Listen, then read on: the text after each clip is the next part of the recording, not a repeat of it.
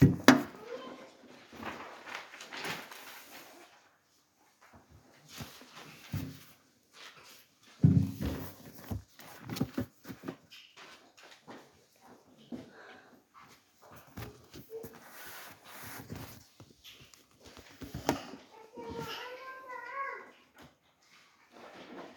talte en gang om sann åndelighet. Det var mange år tilbake. Mens jeg forberedte talen, så spurte faren min om eh, jeg kunne hjelpe ham med å, å spikre et tak. Og Innholdet i talen som jeg forberedte, var det at alt arbeid var åndelig. Ikke bare det å forberede en tale. Og jeg sa nei til han. Det tok meg lang tid før jeg fant ut at jeg hadde vikla meg inn i en ganske stor selvmotsigelse. Der jeg da faktisk skulle forkynne et budskap om at alt er åndelig. Men når jeg ble spurt om å gjøre noe da, så var, var praktisk og fysisk, så sa jeg nei. Jeg må gjøre, skrive ferdig talen først. Så jeg var en hykler på det tidspunktet. Jeg gjorde akkurat det motsatte av det jeg skulle preke om. Det var nesten som at jeg praktiserte noe som tilsa at det som skjer om søndagen, er viktigere enn det som skjer resten av uka. Heldigvis så er det ikke sånn det er i virkeligheten. Kroppen er et tempel, og alt vi gjør, til og med det fysiske, har implikasjoner. Problemet i Korint er kanskje enda verre enn dagens kultur. Men til og med dagens kultur har arva dette tankesettet. Dette tankesettet med at det som er åndelig, er det som er åndelig, og det som er fysisk, og det som er fysisk. Og disse to tingene er atskilt fra hverandre. Korinterne tok det nok litt lenger enn oss. Og de tenkte det at det å besøke prostituerte om mandagen var helt i orden så lenge du gikk i kirka om søndagen. Jeg tror ikke vår kirke har sunket så lavt ennå, altså i Norge som helhet, eller i Vesten som helhet. Jeg håper ikke at det, at det er blitt fullt så gale ennå, men sånn var det altså i Korint. De mente de hadde disse rettighetene som kristne. Og vi så tidligere at det var forferdelige synder som korinterne praktiserte. Og disse syndene de mente det var greit, og de var til og med stolte av disse syndene. De disiplinerte ikke folk i menigheten pga. disse syndene. Korinterne arva en gresk forståelse av ting. Vår kultur er faktisk mye mer påvirka av dette enn hva vi sjøl tror. Men det var en gnostisisme, en dualistisk forståelse, som skilte ånden og det fysiske. Der en tenkte jeg kan gjøre hva jeg vil med kroppen min, men det påvirker ikke det åndelige livet mitt på noen som helst måte. Dette er et problem som teksten løser. Dette er et problem som observerer i teksten, som Paulus prøver å løse. Og hva er løsningen på dette problemet? Paulus påpeker tre forskjellige ting. Nummer én handlingene med vår fysiske kropp påvirker alt. Altså det har betydning. Nummer to handlingene med vår fysiske kropp handler om enhet. Enhet er sentralt. Enhet med Kristus og enhet med den en er gift med. Nummer tre handlingene med vår fysiske kropp skal brukes til ære Gud. Det er av betydning, det vi gjør med kroppen. Det handler om enhet, og vi gjør det for ære Gud. La meg hoppe inn i den første tingen først. Handlingene med vår fysiske kropp er av betydning. I vers 13 de har lov til alt, men ikke alt gagner. Jeg har lov til alt, men jeg skal ikke la noe få makt over meg. Korinterne hadde greske sitater som de brukte for å rettferdiggjøre syndene sine. Problemet var at nåden ble misbrukt, og de siterte disse ordtakene, disse tingene som folk sa i kulturen, for å rettferdiggjøre måten de ønsket å leve på. Jeg har lov til alt. Det var noe, noe de sa i Korint. Men Paulus kommer med en motpol, motpol til dette og sier men ikke alt gagner.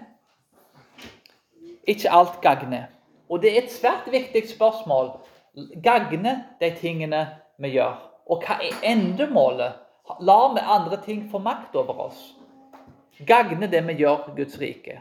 Det gagner Paulus å omskjære Timoteus. Til tross for omskjærelse ikke på noe som helst måte er noe som gagner kirka som helhet. For nå har vi dåpen som erstatter omskjærelsen. Det er et nøkkelspørsmål å spørre oss sjøl hva gagner.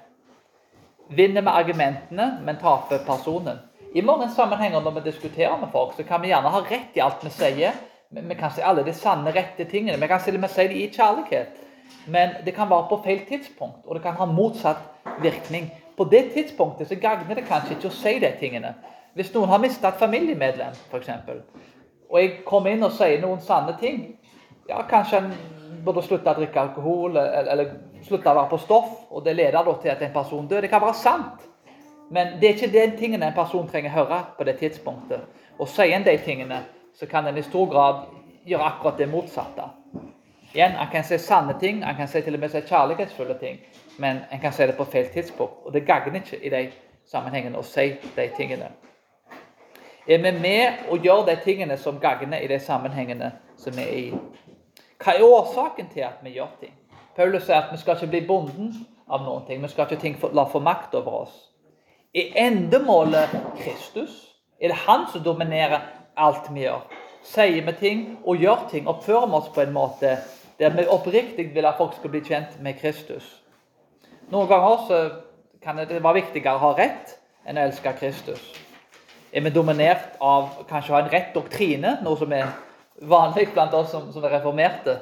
At uh, en har en rette forståelse kanskje av Skriften. Det har jeg sjøl vært skyldig i mange ganger. Eller handler det om å elske mennesker og underlegge all kjærligheten i 1. Korinterbrev 13, der han sier sannheten i kjærlighet. Hva er endemålet? Er det Kristus som vi tilber, og som er endemålet? En anvendelse her er alltid stille de to spørsmålene. Hva gagner i alle sammenhenger? Hva, hva er oppbyggelig, og hva er hjelpsomt, og hva gagner? Og hva er endemålet som driver oss? Hvorfor vil jeg si eller gjøre de tingene? Er det en ekte, oppriktig motivasjon i hjertet mitt? Korinterne hadde det problemet at endemålet deres, iallfall de som praktiserer de syndene her, var sex. Dette var noe som erstatta Gud. Det var en form for hedonisme, der en fysisk tilfredsstillelse var viktigere enn å ha et forhold med Gud. Det ble en form for avgudsdyrkelse, Det endemålet var egentlig en form for hedonisme. Mye av disse tingene kan unngås hvis en tilber Gud rett. Hvis en har rett forståelse av at en må tilbe Gud på rett måte. Vi ser i Det gamle testamentet at igjen og igjen og igjen, når israelittene slutter å tilbe Gud rett, så følger det seksuelle synder som et resultat i etterkant. Det skjer ganske kjapt i etterkant. Til og med gullkalven mener mange forskere har en sterk tilkobling til feil tilbedelse og seksuelt avvik. Så Disse to tingene går sammen gjennom hele Bibelen. Når en ikke tilber Gud rett, så vil en heller ikke elske nesten sin på rett måte. Og en vil ende opp med å gjøre ting som en aldri hadde trodd en kunne gjøre. Og da alt går tilbake til tilbedelse. I vers 14 så sier Paulus maten er for buken, og buken er for maten, og Gud skal gjøre ende på den begge. Men legemet er ikke for henne, men for Herren, og Herren for legeme. Her ser vi igjen at Paulus tar et lokalt sitat. Maten er for buken, og buken er for maten. Dette var den typiske ting som grekerne sa. Typisk analogi som ble brukt for at kroppen er for sex, og sex er for kroppen. Men i realiteten så, så motbeviser Paulus dette. Med andre ord, det du gjør med kroppen, har ingen som helst betydning, da, mente grekerne. Paulus vil tilbakevise dette og si at kroppen tilhører Herren. Og dermed så er det av betydning. Vår kultur er sterkt påvirka av Hellas, romerne og den jødisk-kristne kulturen. I Hellas så var to tredjedeler av befolkningen slaver, mens resten av befolkningen hadde masse fritid der de kunne nyte av livet. Grekerne hata fysisk arbeid og elska fritid. Og utrolig nok, både romerne og grekerne hadde utrolig mange former for underholdning. De måtte gå ut for å se det. Altså, de hadde ikke flatskjerm. De hadde da altså fysisk underholdning altså utenfor hjemmet. Det er veldig fascinerende å tenke på at, at Romerriket i stor grad henta mye av gudene sine, eller avgudene, og mye av filosofien sin fra gamle Hellas. Den hebraiske kulturen er veldig annerledes enn den greske kulturen. Grekerne hater arbeid, og spesielt fysisk arbeid. Den jødiske kulturen er annerledes. Arbeid er noe som er godt. Gud jobba seks dager, han hvilte den sjuende. Gud jobba seks dager. En revolusjonerende tanke. Vi er skapt i Guds bilde, og derfor skal vi òg jobbe. Jødene levde for arbeid, Gud og tilbedelse, ikke fritid. Grekeren jobba for å få mer fritid. Jeg kan gjerne si at jøden levde for å jobbe, mens grekeren jobba for å leve. Heldigvis er Bibelen en jødisk bok og ikke en gresk bok. og Det forklarer hvorfor det er et enormt høyt syn på arbeid. Det nye testamentet er i stor grad en jødisk bok. For en greker ville det vært umulig å forstå for eksempel, at Jesus var trearbeider i 17 år og mirakelarbeider i tre år. Og at mesteparten av tjenesten til Jesus var faktisk å jobbe med tre og jobbe med hendene. For en greker er det en utenkelig ting at Gud, som er ånd Gud er ånd, og han er sannhet. Men han er ånd, han kom ned og jobba med tre i 17 år. For en greker er dette en ting som de, de kunne nesten ikke fatte det. Det går tilbake når Sokrates drakk giften. Takk og pris, sier Sokrates, for at endelig så er ånden min frigjort fra dette fengselet av en kropp. Kroppen min er et fengsel. Det jeg gjør med ånden, har ikke noe betydning på kroppen. Kroppen er bare et, et, et, et kar, et fengsel, som jeg endelig skal bli frigjort ifra.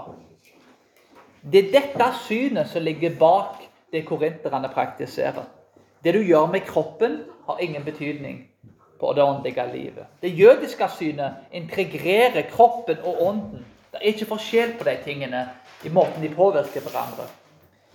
Det jødiske synet bekrefter kroppen som en bra ting, noe som Gud har skapt. En anvendelse her kan jo være det å Når en går ut og jobber, så gjør en det for Gud. En ærer Gud med alt det arbeidet en gjør. Og Det er en ting som reformasjonen fant igjen. En avviste middelalderens forståelse av denne dualismen som var kommet inn.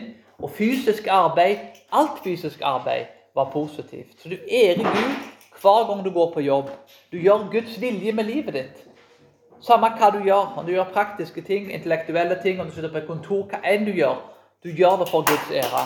Du medbringer helbredelse, fred og sannhet inn på arbeidsplassen. Så Det du gjør med kroppen, er av stor betydning. Paulus forsvarer dette med å si at handlingene våre med vår fysiske kropp handler om enhet. Her kommer Paulus til den teologiske forsvaret for det han sier. Hvorfor er det av en stor betydning at det vi gjør med kroppen, er viktig? Jo, fordi det handler om enhet. Enhet med Kristus og enhet med den en er gift med. Vers 14-18 så sier Paulus Gud reiste Herren opp, og han skal også reise oss opp ved sin kraft.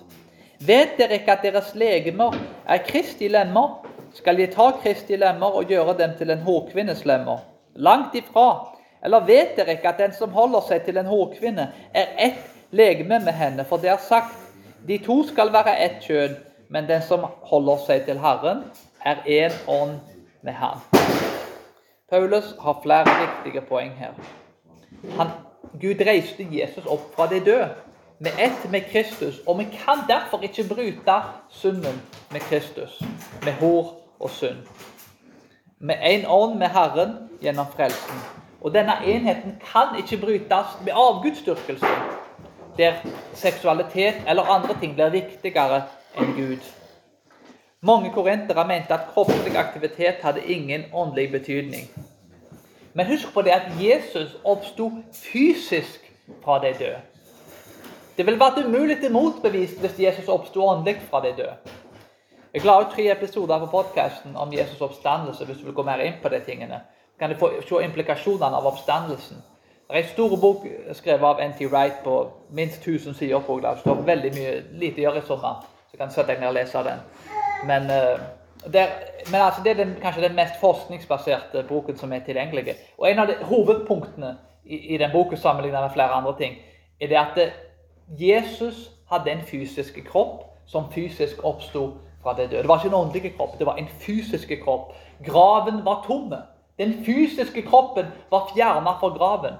Og hvis romerne eller jødene fant denne kroppen, så hadde ikke kristendommen eksistert. Man hadde ikke vært her i dag og tilbedt på den måten de gjorde. Hadde de funnet kroppen, så hadde hele kristendommen blitt motbevist. Argumentet i Bibelen er at Jesus legemlig, kroppslig og fysisk oppsto ifra de døde. Det er en nøkkel for å forstå oppstandelsen. Det er ikke en åndelig oppstandelse, sånn som grekerne sannsynligvis ville tenkt. Og dette legemet, Vi skal oppstå med dette legemet sammen med Jesus når han kommer igjen. Og ikke et hår skal mangle. Kroppen vår er viktig. Det vi gjør med kroppen, er viktig. Og når vi synder, så bryter vi enheten med Gud. Vi ser et eksempel på dette i 1. Mosebok 41, 38. Litt før denne teksten så ser vi Josef flykte fra Potifars kone, der han blir invitert til å delta i hor og utroskap. Og Av farao senere så blir han beskrevet av farao, altså Josef ble beskrevet av farao, som den, kanskje den mektigste mannen på, på kloden på det tidspunktet, at han, Josef er en mann med Guds ånd. Han er en mann som har enhet med Guds ånd. Å ha enhet med Gud krever at en ikke lever i synd. Og Det virker som Josef forsto dette. Han deltok ikke i utroskap og hor fordi han ville ikke bryte enheten han hadde med Gud. Fordi dette vil ha alvorlige konsekvenser. Kroppen er altså ikke for hor og ikke for ødeleggelse, men for enhet med Gud. Og for oppstandelse. Og en bryter denne enheten med Gud når en synder. En har ikke lenger fellesskap med Gud. Gud krever at en ikke lever i synd hvis en skal ha enhet med ham. En kan ikke velge å synde, sånn som korinterne tenkte. Ja, med ånden tilber Gud, og så synder vi med kroppen. Det har ikke noe å si. Nei, det er enten-eller. Det du gjør med kroppen, er syndig.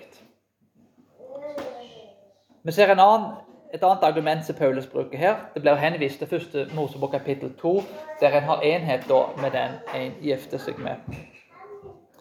Dette går tilbake til første Mosebok kapittel 2, der en da skal forlate sitt, sin, sin mor og sin far og bli ett med sin hustru.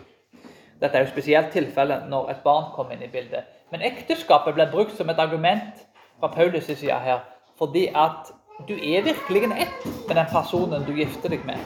I jødedommen da, var jo et, et fysisk samleie da, en bekreftelse da, på en seremoni og på et ekteskap i forkant. Og Sex utenfor ekteskapet er derfor svært alvorlig. Det får konsekvenser. Og Når en er gift og når en er unger sammen, hvis det er et brudd på det, så får det veldig fatale konsekvenser. Du bringer andre folk inn i familien. Det, det blir ufattelig komplisert veldig fort. En er virkelig en ett med den personen, spesielt når en har unger i lag. En, kan ikke slippe unna det, samme hvor mye en forandrer på ting. En er tilknytta til hverandre på forskjellige måter. Og seksualitet er jo òg en ting som kjemikalien i hjernen Det er mange ting som, blir kobla, og det er mye mer, faktisk veldig mye forskning som ligger bak disse tingene. Så du blir faktisk kobla til folk på en helt spesiell måte. Og Dette forsto jødene, og det dette føles egentlig henviser til at en er ett med en person. Sex med prostituerte i denne kulturen var nedsett av jøder, bl.a. Filo. Men hedningene, Romerriket, så ikke på dette som noe problem. Det var helt i orden for en mann å være gift og gå til tempelprostituert. Dette var ikke et problem for mange av, av romerne. Faktisk kunne det være en god ting, ifølge en del av filosofene. Prostitusjon var nedsett av jødene fordi mange prostituerte var slaver.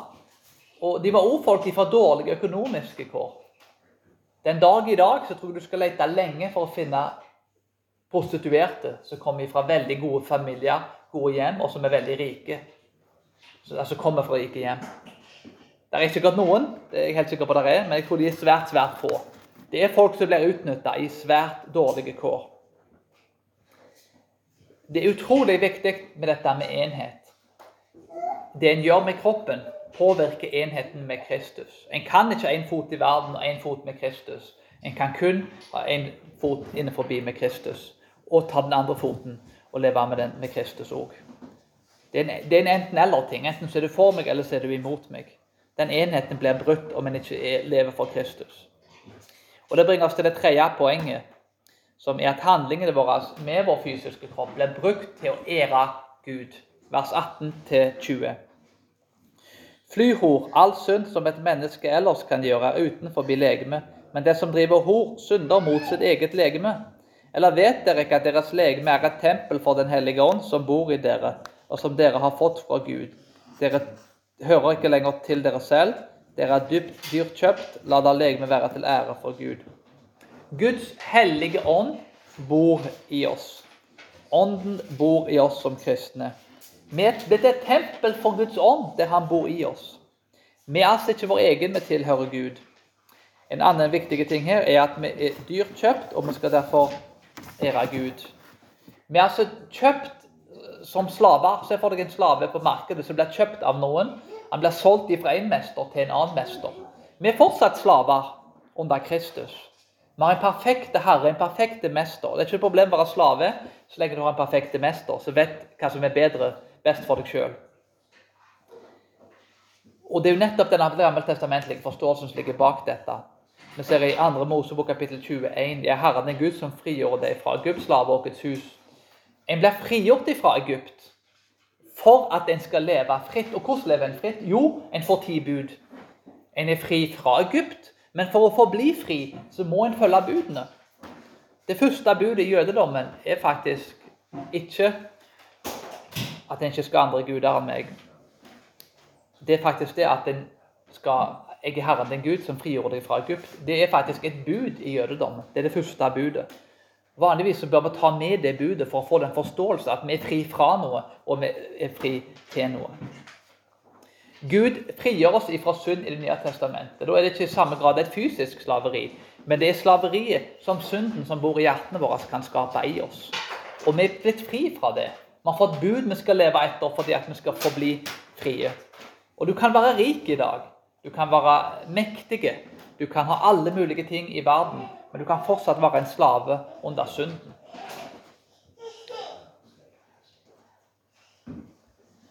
I skapelsen så var arbeid, ekteskap og sabbat en del av Guds opprinnelige plan og gode skapelse. Dette var noe Thomas nevnte i forrige tale.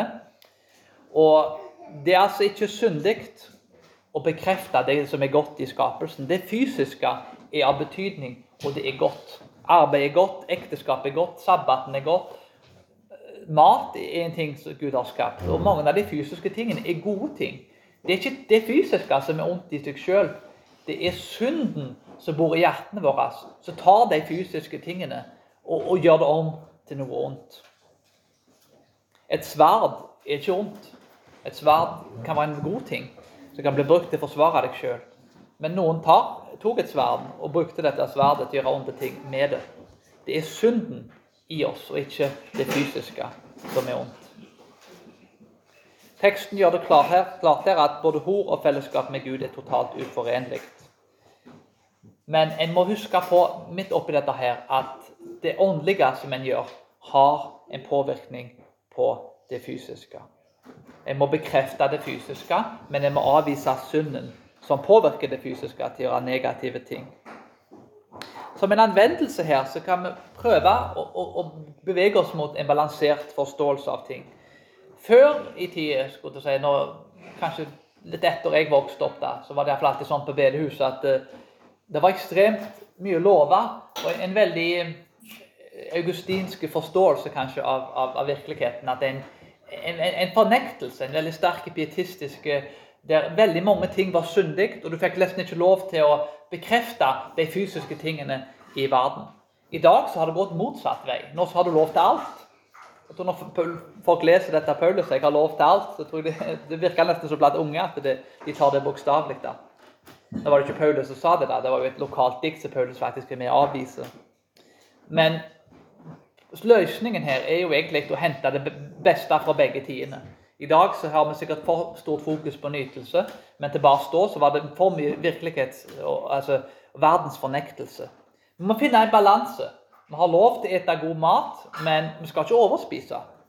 Vi har lov til å nyte Guds gode gaver, men vi har ikke lov til å nyte det i den grad at det blir en form for avgudsdyrkelse.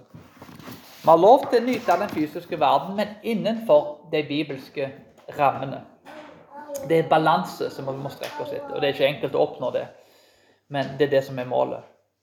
Vi skal altså ære Gud. Om vi både spiser eller drikker, så kan vi gjøre det for Guds ære.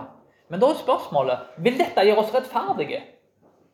Vil vi bli rene og gode så lenge vi bare lever gode og rettferdige liv? Hvis vi lever rent seksuelt og på andre måter, er vi da rene foran Gud? Og svaret på det er nei. Det var noe som heter purity culture, altså renhetskulturen i Amerika en stund tilbake. Der folk lovte når de var unge, at de skulle vente med sex etter ekteskapet. I seg sjøl var det en bra ting, men det hendte jo at noen traff noen kanskje i en alder av 30, og, og, og fant de ut om de var forlova, at den ene personen da hadde gjort en feil når han var 18-20 år. noe sånt. Og Pga. det så brøt de forlovelsen. Dette var en person som hadde omvendt seg, han hadde levd rent i etterkant og, og virkelig levd et liv der det var åndelige frukter i livet. Men pga. at en ikke hadde levd helt perfekt, så var det forlovelser som ble brøt opp. Så det ble en form for loviskhet. Der en trodde da at hvis en bare lever helt rent, så er en blitt rettferdiggjort. Og om en har levd rent på ett område, så har en ikke levd rent på alle andre områder. Bare tenk på tankene våre. Vi tenker alle tanker hver eneste dag som er syndige. Og Jesus setter standarden så høyt. Bare du har lyst i, i tankene dine, så, så, har du allerede synda mot Gud. Så synden og skittentøyvasken vår i oss sjøl er så store at vi skal være svært forsiktige at pga. at jeg ikke har synda på den måten, så jeg ren på alle andre måter. Vi har ingenting vi kan skryte av. Ingen av oss regenererte våre egne hjerter. Det var det Gud som gjorde gjennom Jesus Kristus. Om våre tanker hadde blitt offentliggjort, alt jeg har tenkt hele livet, hadde blitt en film som alle kunne sett, som Paul Warshaw påpeker alltid det, så hadde ingen snakket med meg mer igjen resten av livet. Og Det tror jeg faktisk er tilfellet for oss alle. da. Og det viser jo at vi har ingenting å være stolt over. Vi kan ikke bli rettferdiggjort på egen hånd. For vi synder i måten vi snakker på, i måten vi tenker på, i måten vi er på. Synden er så sterkt i oss at vi kan nesten ikke leve en dag uten å synde. Vi ble heldigvis ikke rene i oss sjøl. Da hadde vi ligget tynt an. Vi var slaver uten mulighet for å redde oss sjøl.